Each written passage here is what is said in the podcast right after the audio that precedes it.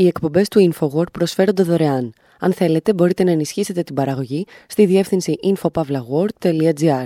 Η διεύθυνση infopavlagor.gr. Η εκπομπή InfoWord με τον Άρη Χατζηστεφάνου.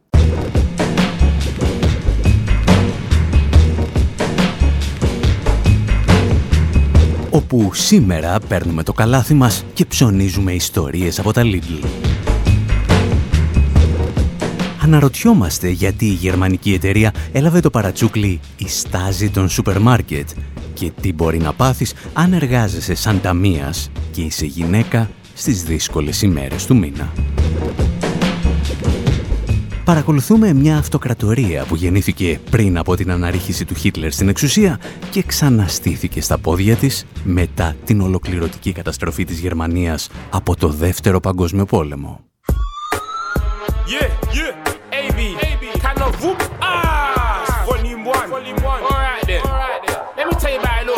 In it. Like one day I was just going to Lidl in it, and this is how it went. Check it.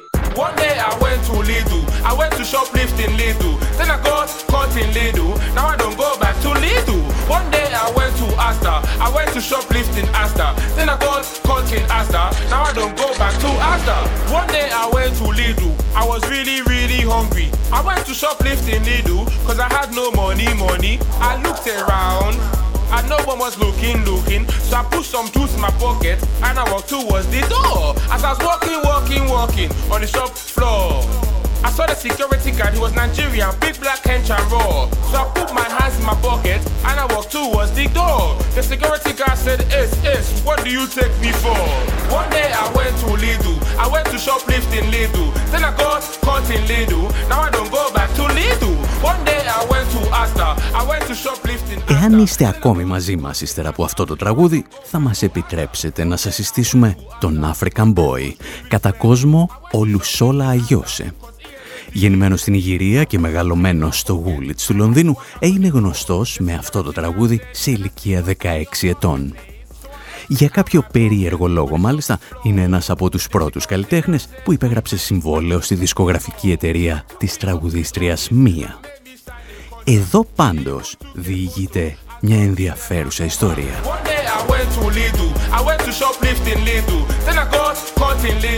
Ο African Boy εξηγεί πως εισήλθε παράτυπα στη Βρετανία χωρίς διαβατήριο και πως κατάφερε να επιβιώσει παρά το διαρκές κυνηγητό από το τμήμα αλλοδαπών.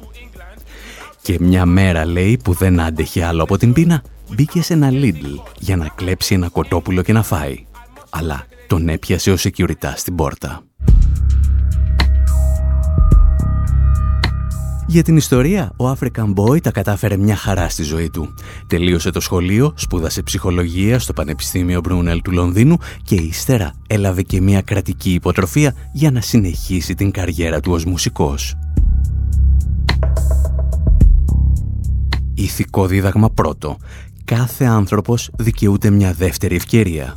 Ηθικό δίδαγμα δεύτερο. Ο ήρωας της ιστορίας, με όλες τις σημασίες της λέξης ήρωας, είναι πάντα ο Γιάννης Αγιάννης, ειδικά εάν απέναντί του έχει έναν Ιαβέρι, γιατί ο ένας προϋποθέτει τον άλλο. Και για έναν τέτοιο Ιαβέρι που ακούει στο όνομα Lidl, αποφασίσαμε να μιλήσουμε σήμερα. For what? I suggest you put your phone. Put your phone away now. No, it's illegal. It's illegal. What is illegal, mate? It's you Don't filming touch me. I'm not touching you.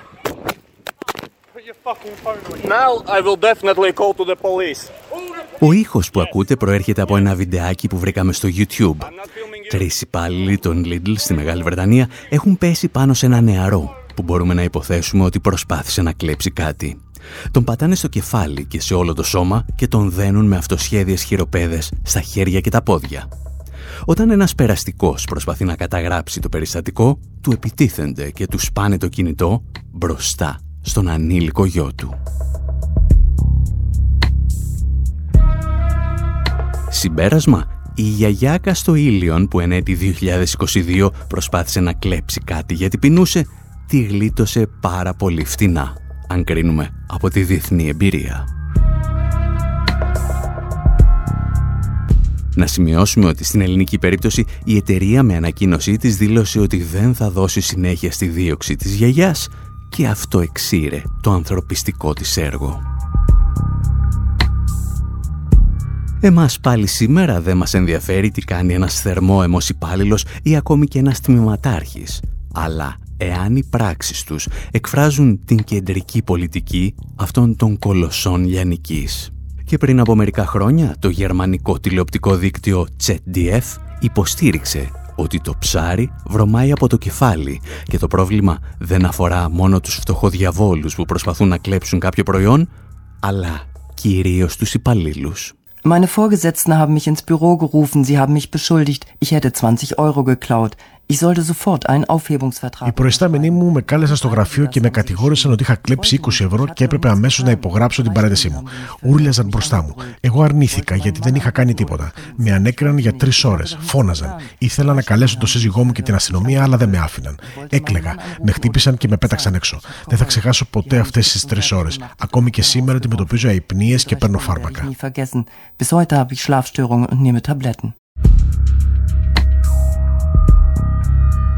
Η γυναίκα που ακούσατε συμμετείχε σε πολυετή έρευνα που πραγματοποίησε πριν από χρόνια ένα από τα μεγαλύτερα συνδικάτα της Γερμανίας για τις συνθήκες που επικρατούσαν στα Lidl. Και εμείς θα ακούσουμε περισσότερα για αυτή την έρευνα ύστερα από αυτό.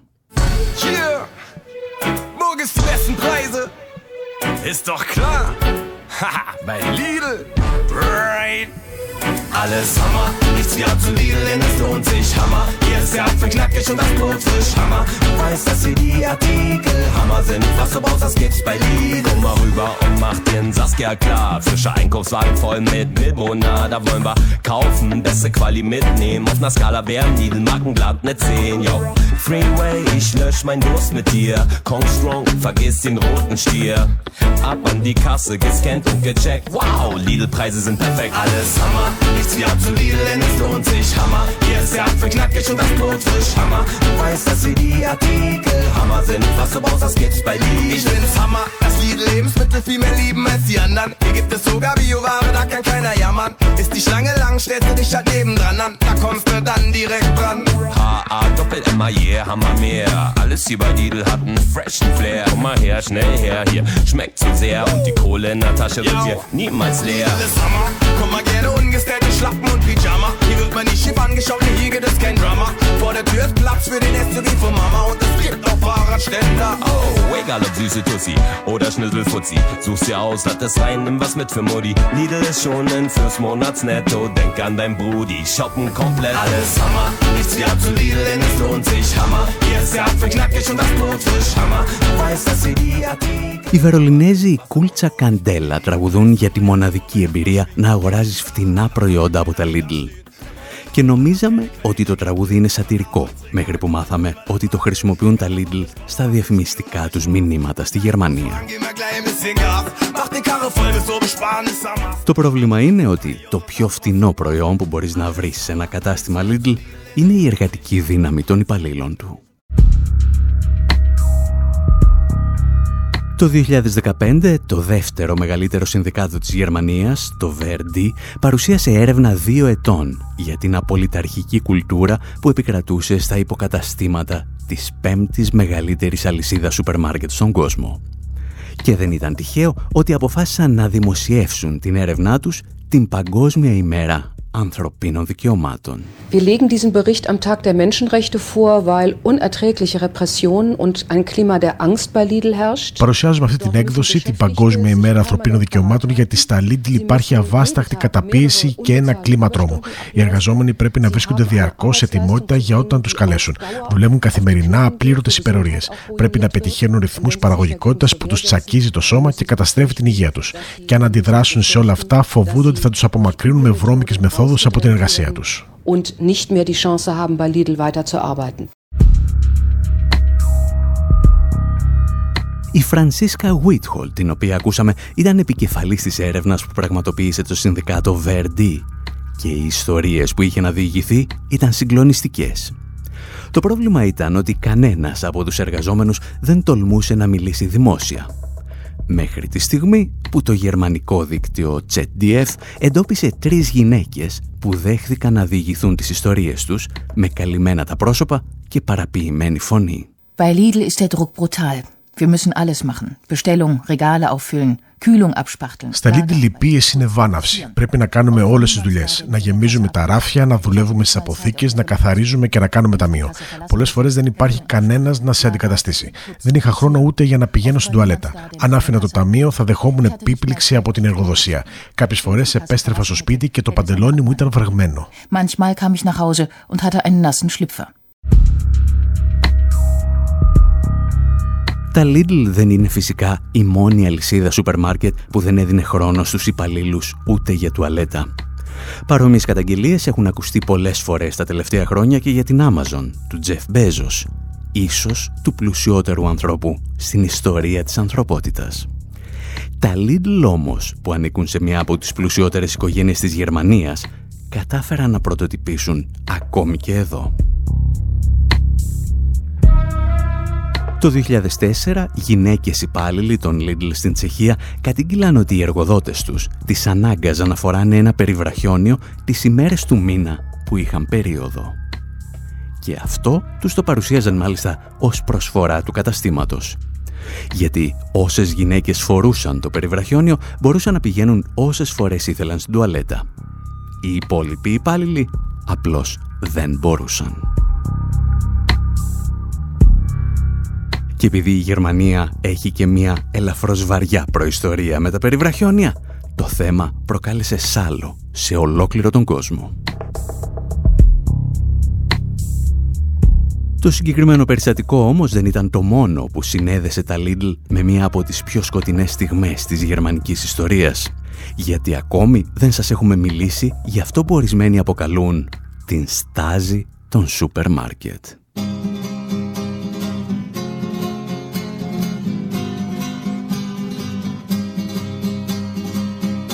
Euer Dienst ist die Aufklärung. Namen bleiben geheim. Unauffällig die Leistungen, stets im Blickfeld der Feind. Das Gespräch mit Genossen, viel zu selten daheim. Für das Tragen der Orden bleibt oft nicht mehr die Zeit. Wachsam sein, immer zu. Wachsam sein. Und das Herz ohne Ruhe. Wachsam sein, auch in friedlicher Zeit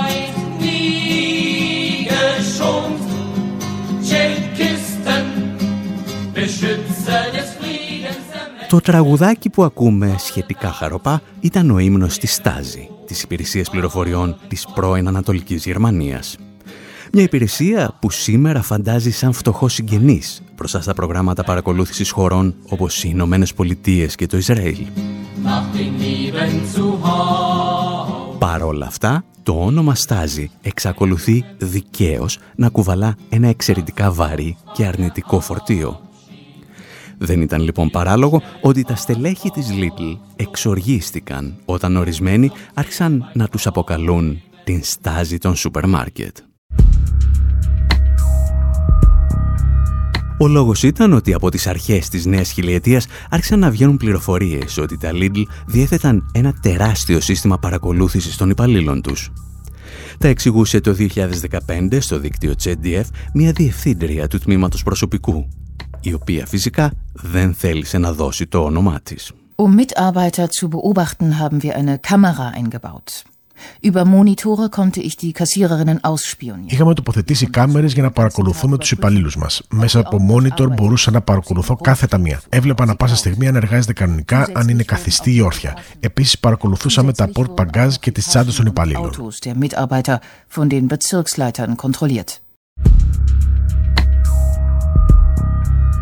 Τα Lidl απάντησαν τότε δια του διευθύνοντος συμβούλου τους ότι οι παρακολουθήσεις πραγματοποιούνται, αλλά δεν είναι αυτό που νομίζετε.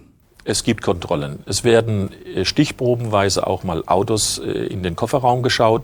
Immer dann, wenn in den Filialen Γίνονται πράγματι έλεγχοι. Επίσης, πραγματοποιούμε δειγματοληπτικούς ελέγχους σε αυτοκίνητα υπαλλήλων όταν υπάρχουν ενδείξεις για κλοπές. Κάμερε χρησιμοποιούμε μόνο όταν αυτές οι κλοπές είναι πολύ υψηλές. Είναι όμως ίστατη λύση για μας, μόνο σε εξαιρετικές περιπτώσεις. Πάντα κινούμαστε εντός του νόμου και πρόκειται για μεμονωμένες περιπτώσεις, στις οποίες καταφεύγουμε όταν έχουμε απώλειες αρκετών χιλιάδων ευρώ κάθε μήνα.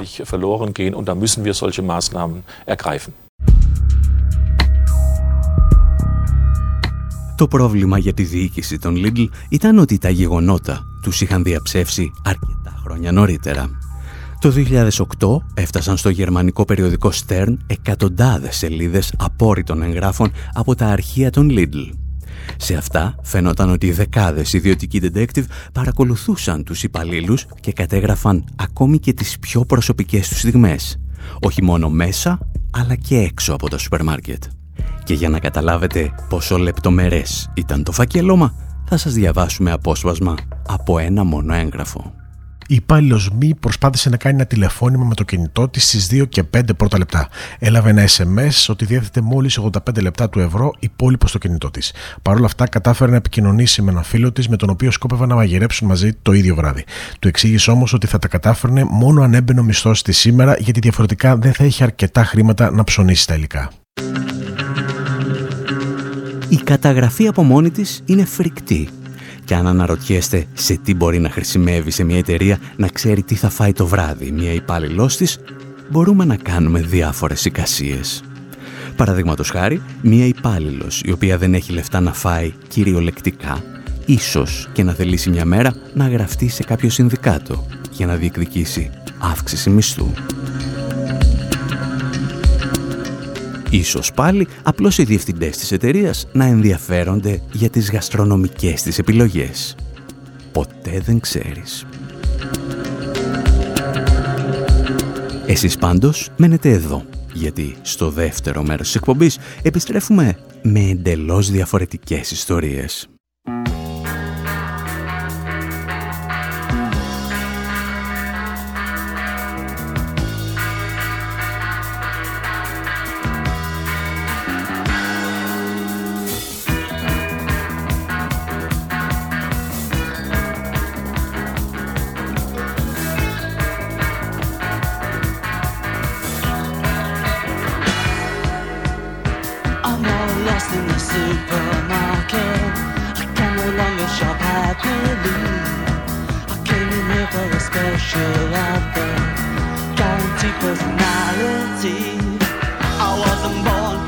much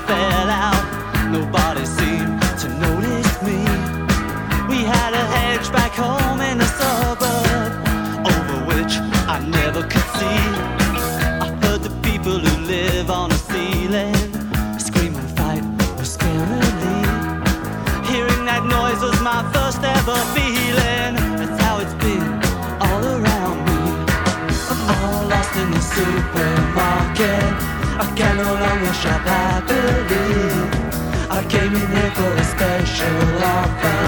The guaranteed personality. I'm all tuned in. I see all the programs. I save coupons and packets of tea.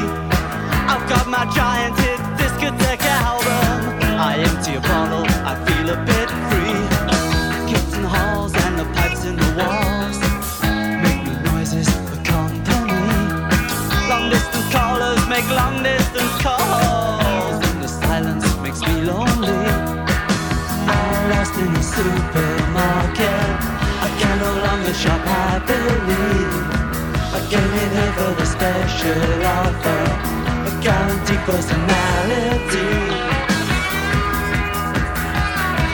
It's not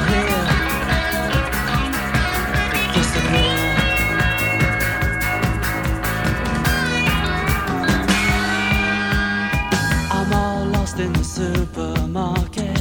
I can no longer shop happily. I came in here for the special offer.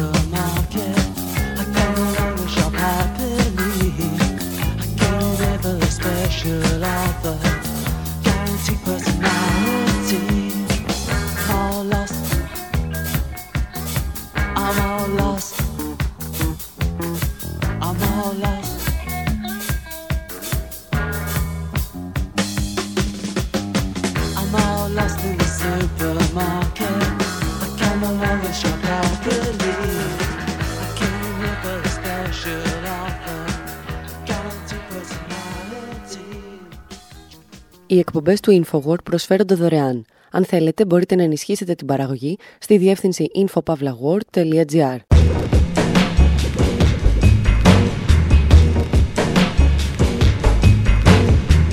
Η εκπομπή InfoWord με τον Άρη Χατζηστεφάνου όπου καθώς η ένταση κορυφωνόταν στα σύνορα Ουκρανίας-Ρωσίας αυτή την εβδομάδα, θελήσαμε να θυμηθούμε μερικές ιστορίες από την μεγάλη αποστολή που είχαμε πραγματοποιήσει στην περιοχή το 2014. Είχαμε ξεκινήσει χαλαρά με μια μπάντα Ιταλών κομμουνιστών που νόμιζαν ότι θα έδιναν συναυλία στο Ντονιέτσκ και είχαμε καταλήξει δίπλα στο βομβαρδιζόμενο αεροδρόμιο της περιοχής που αποσπάστηκε από την Ουκρανία. Θυμόμαστε εκείνες τις μικρές λεπτομέρειες που μας θυμίζουν ότι τα πράγματα δεν είναι έτσι όπως τα φανταζόμαστε εμείς, αλλά συχνά είναι πολύ πιο έτσι από ό,τι τα φαντάζονται οι άλλοι.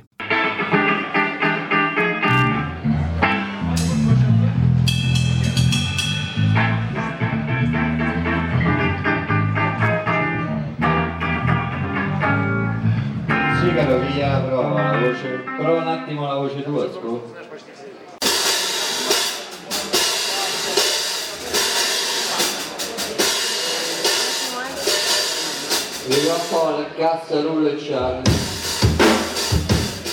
Η μπάντα Μπασότη κάνουν το τελευταίο soundcheck πριν από μια μεγάλη συναυλία στη ρωσική πρωτεύουσα.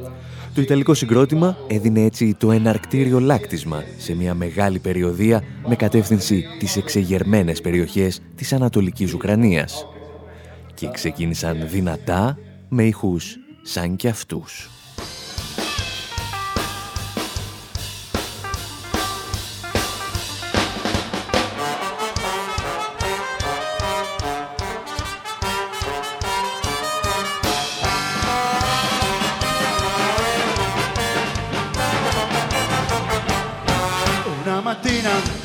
Sono svegliato Oh bella ciao, bella ciao, bella ciao, ciao, ciao. Una mattina mi sono svegliato ed ho trovato l'invaso Oh partigiano, portami via.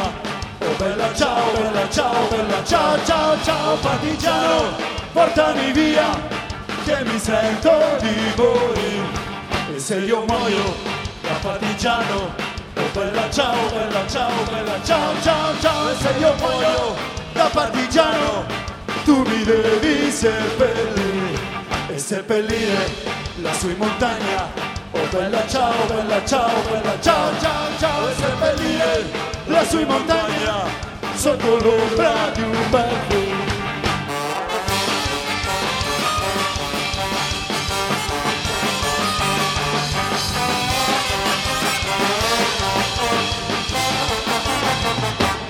Η αίθουσα της συναυλίας γεμίζει γρήγορα από σύμβολα του αντιφασιστικού αγώνα από την Ιταλία, την Ισπανία και την Ελλάδα.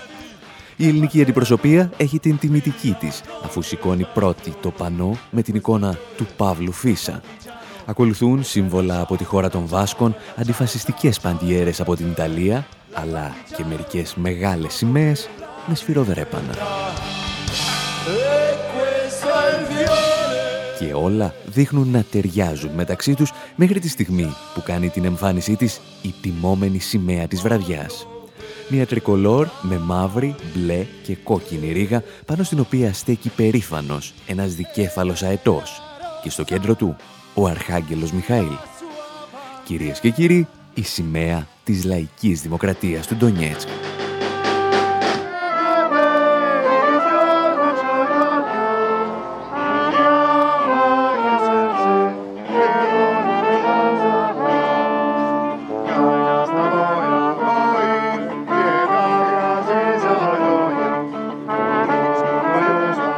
Μπάντα Μπασότη δεν θα καταφέρουν τελικά να περάσουν για να δώσουν τις συναυλίες αλληλεγγύης στη λαϊκή δημοκρατία του Ντονιέτσκ. Η δημοσιογραφική μας αποστολή όμως θα περάσει τα σύνορα. Μαζί μας ο δημοσιογράφος Θανάσης Αυγερινός, αλλά και ένας εκπρόσωπος του αντιφασιστικού καραβανιού, ο Θάνος Ανδρίτσος. Και αν για μερικές ώρες στα σύνορα νοσταλγήσαμε τους πανκ και σκά ήχους των Μπάντα Μπασότη, το Ντονιέτσκ μας επεφύλασε τις δικές του μουσικές εκπλήξεις. Парад благополучия, театр цивильности В выгребной яме, в доме терпимости Ты видел когда-нибудь, глянь за кулисы Как в амбарах фестиваля, жирные крысы. Чем меньше знаешь, тем крепче спишь. Чем больше плачешь, меньше поссышь Свобода химера, вся жизнь ожидала Как произвол, беспредел и наебала И поэтому флаг мой не будет белым. Мой флаг никогда не будет желтым Мой флаг голубым никогда не будет. Мой черный флаг. И Поэтому флаг мой не будет белым. Мой флаг никогда не будет желтым Мой флаг голубым никогда не будет. Мой черный флаг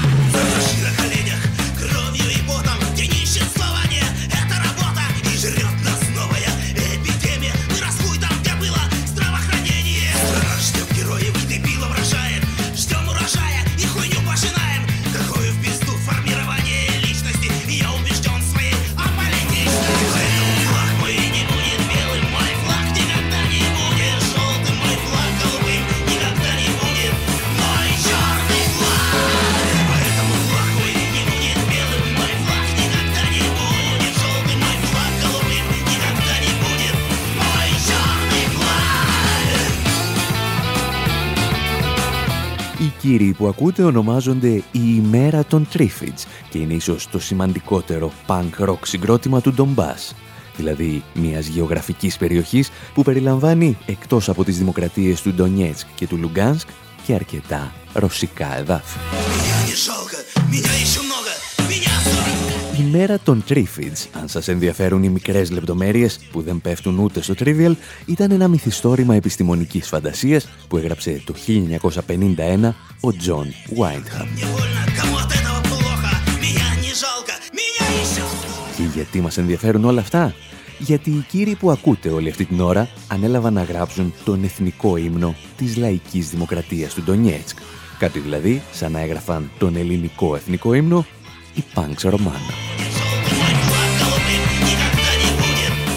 Και επειδή με τέτοια συγκροτήματα δεν μπορείς να παίξεις τον ύμνο σου ούτε στους Ολυμπιακούς Αγώνες, στο Ντονιέτσκ κυκλοφορούν πλέον δύο εκδοχές του εθνικού ύμνου. Η πρώτη, εθνικιστική και με έντονες μουσικές αναφορές στη Σοβιετική Ένωση, ακούγεται κάπως έτσι.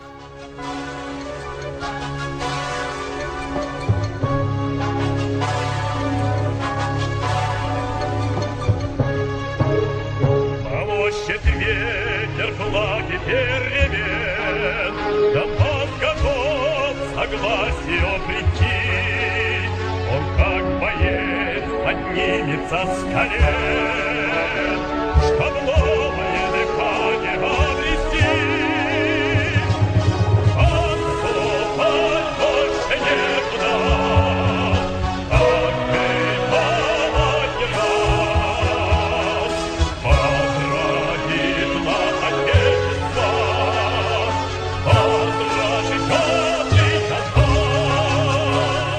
πραγματικότητα, ο εθνικός ύμνος που ακούτε δεν είναι τίποτα περισσότερο από μια διασκευή ενός κομματιού που έγραψαν η ημέρα των Τρίφιτς.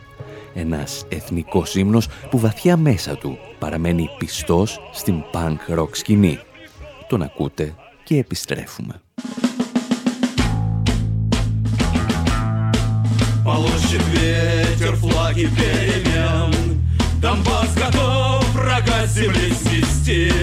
Он как боец поднимется с колен Чтоб вновь свободу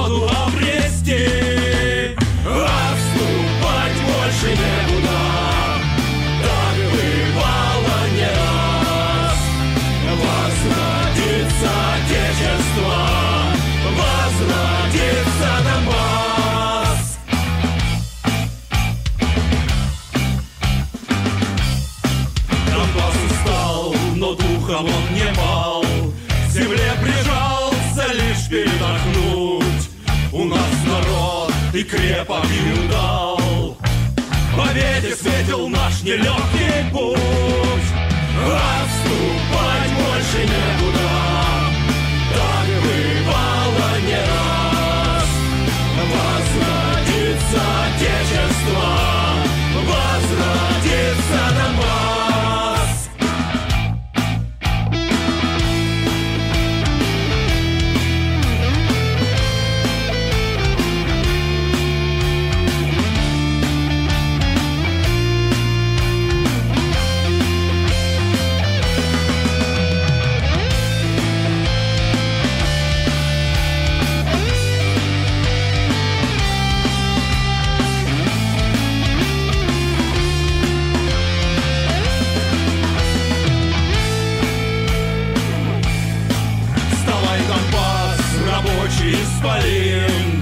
вдоль дорог среди шипов роз. Возьми всю силу матушки Руси, и мир увидит твой гигантский рост. Отступать больше некуда.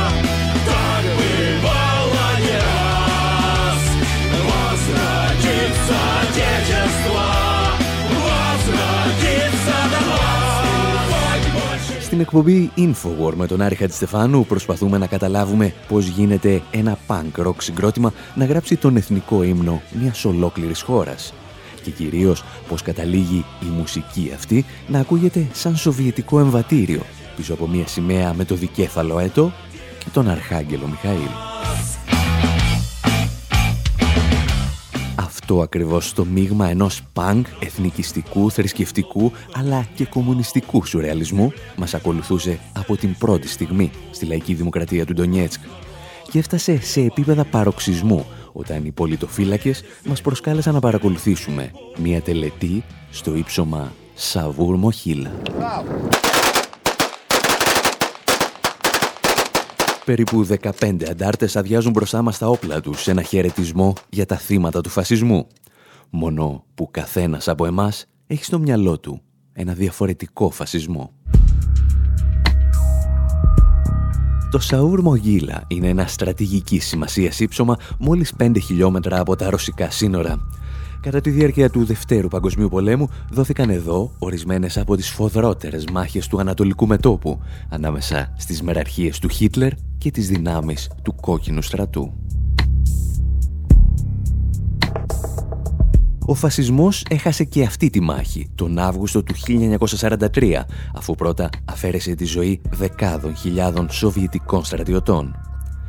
Μόνο που οι φασίστες επανήλθαν 71 χρόνια αργότερα Ζητήσαμε να μας εξηγήσει αυτή την ιστορία ο περίφημος Γκρέκ, ένας οπλαρχηγός ελληνικής καταγωγής που σήμερα εκτελεί χρέη αστυνομικού διοικητή στη λαϊκή δημοκρατία του Ντονιέτσκ.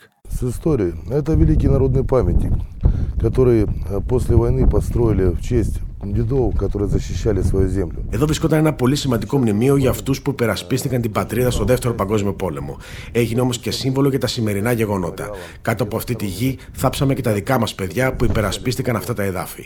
Είναι ένα ύψωμα για το οποίο πέθαναν οι πρόγονοί μα αλλά και δικέ μα δυνάμει.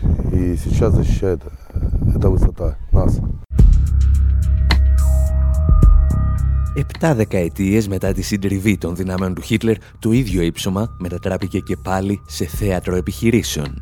Και αυτή τη φορά ήταν οι Ουκρανικές δυνάμεις που κατέστρεψαν το μνημείο για τα θύματα του ναζισμού. Здесь были со всех батальонов люди. Очень много жертв было. Ребята захоронены здесь. Батальон Восток. Η τελευταία μάχη έγινε πριν ένα μήνα απέναντι στον Ουκρανικό στρατό. Ήταν πολύ δύσκολο να του διώξουμε, αλλά τα καταφέραμε. Μόνο έτσι μπορούσαμε να εξασφαλίσουμε την προστασία των πολιτών μα στι γύρω περιοχέ. Все подразделения, оплот участвовали в захвате этой высоты. Για τον Γκρέγκ και τους ενόπλους που τον συνοδεύουν, η μάχη στο Σαούρ Μαγίλα ήταν μία ακόμη μάχη απέναντι στο φασισμό. Οι φιλοευρωπαϊκές δυνάμεις του Κιέβου έστειλαν στην περιοχή ομάδες από το ναζιστικό δεξιό τομέα και άλλες ακροδεξιές οργανώσεις. Μερικούς δηλαδή από τους φασίστες, τους οποίους η Ουάσιγκτον και το Βερολίνο θεωρούν προνομιακούς συνομιλητές τους στην Ουκρανία. Καθώς μας μιλούσε, ο Γκρέγκ κρατούσε στα χέρια του μία εικόνα της Παναγίας της Πολιτοφυλακής, η οποία μεταφέρθηκε γι' αυτό το λόγο από τη Μόσχα. Πίσω του κοιμάτιζε μία σημαία με ένα σφυροδρέπανο, ενώ στο βάθος έβλεπες ό,τι απέμεινε από το μνημείο σοσιαλιστικού ρεαλισμού για τα θύματα του ναζισμού. Και το ερώτημα ήταν, αυτή η πίστη των εξεγερμένων του Ντονιέτσκ ότι δίνουν μία μάχη απέναντι στο φασισμό είναι τόσο δυνατή ώστε να συσπυρώσει διαφορετικές ιδέες, σύμβολα και πολιτικές επιδιώξεις;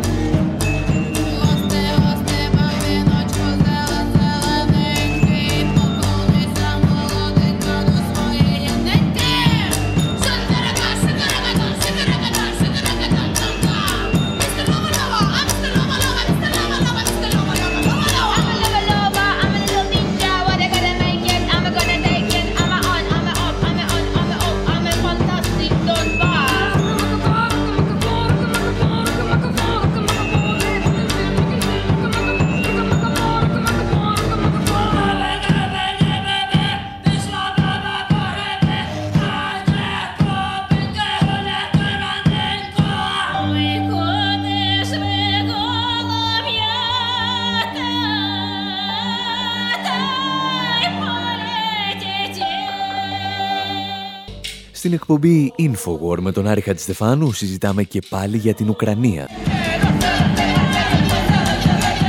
Είχαμε μείνει, αν θυμάστε, στο μνημείο του Σαούρ Μαγίλα για τα θύματα του ναζισμού, το οποίο βομβαρδίστηκε και πάλι το καλοκαίρι. Αυτή τη φορά από τις δυνάμεις του Ουκρανικού στρατού.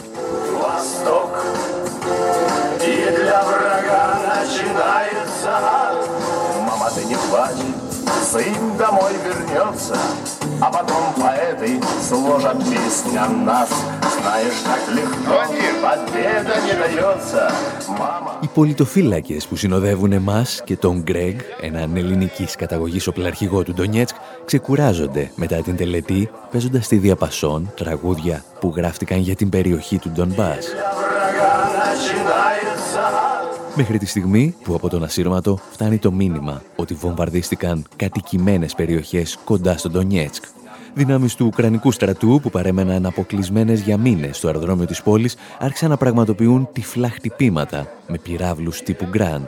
Η τελετή διακόπτεται απότομα και εμείς ξεκινάμε με έναν από τους επιτελείς του Γκρέγ, τον επωνομαζόμενο Πλάτωνα, να επισκεφτούμε τις περιοχές που επλήγησαν. Στη διαδρομή, ο Πλάτωνας μας εξηγεί ότι χτυπήθηκαν τρία σπίτια από το Ουκρανικό πυροβολικό. Υπάρχουν, λέει, υλικέ ζημιές και θύματα. Παρά την εκεχηρία, μας εξηγεί, οι επιθέσεις συνεχίζονται καθημερινά στον Ντονιέτσκ και την πόλη της Μακίγευκα, που συνδέεται μαζί του. Και όταν τον ρωτάμε πώς βλέπει το μέλλον, απαντά αμέσως «Το μόνο που θέλω είναι να τελειώνουμε με το φασισμό και τον ναζισμό» с нацизмом и фашизмом.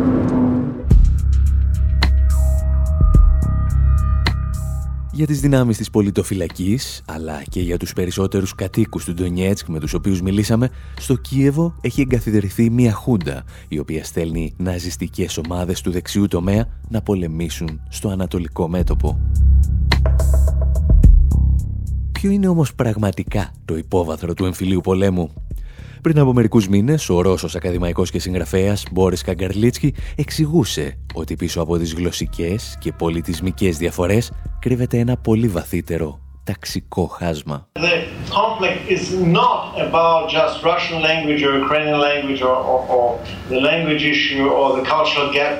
Η σύγκρουση δεν αφορά μόνο τη διαφορετική γλώσσα.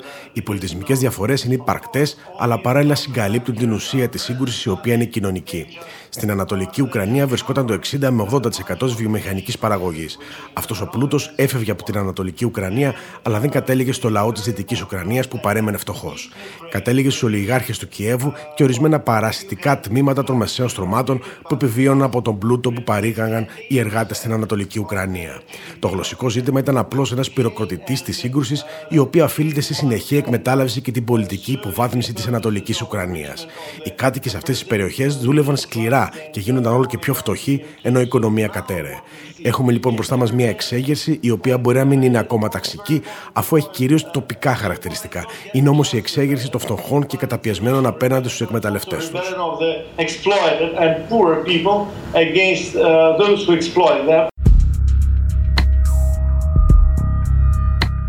Για τους περισσότερους ανθρώπους με τους οποίους μιλήσαμε στον Τονιέτσκ, η επιστροφή στην εξουσία του Κιέβου είναι πλέον εκτός συζήτησης. Είτε θα ενταχθούν, μας λένε, μια μέρα στα ρωσικά εδάφη, είτε θα διατηρήσουν ένα ανεξάρτητο κράτος με στενούς δεσμούς με τη Μόσχα. Κάπου εδώ όμως η δική μας αποστολή και μαζί ένα ακόμη επεισόδιο του Infowar τελειώνουν. Μέχρι την επόμενη εβδομάδα, από τον Άρη Χατζηστεφάνου στο μικρόφωνο και τον Δημήτρη Σταθόπουλο στην τεχνική επιμέλεια, γεια σας και χαρά σας.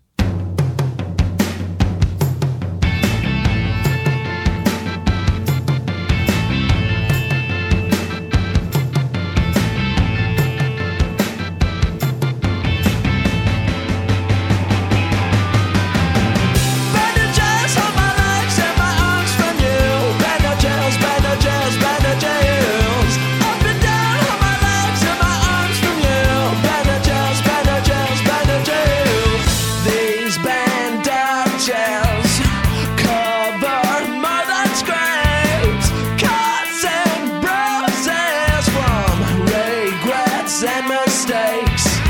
I've been hoping you're moping around the street again. I've been tripping from 7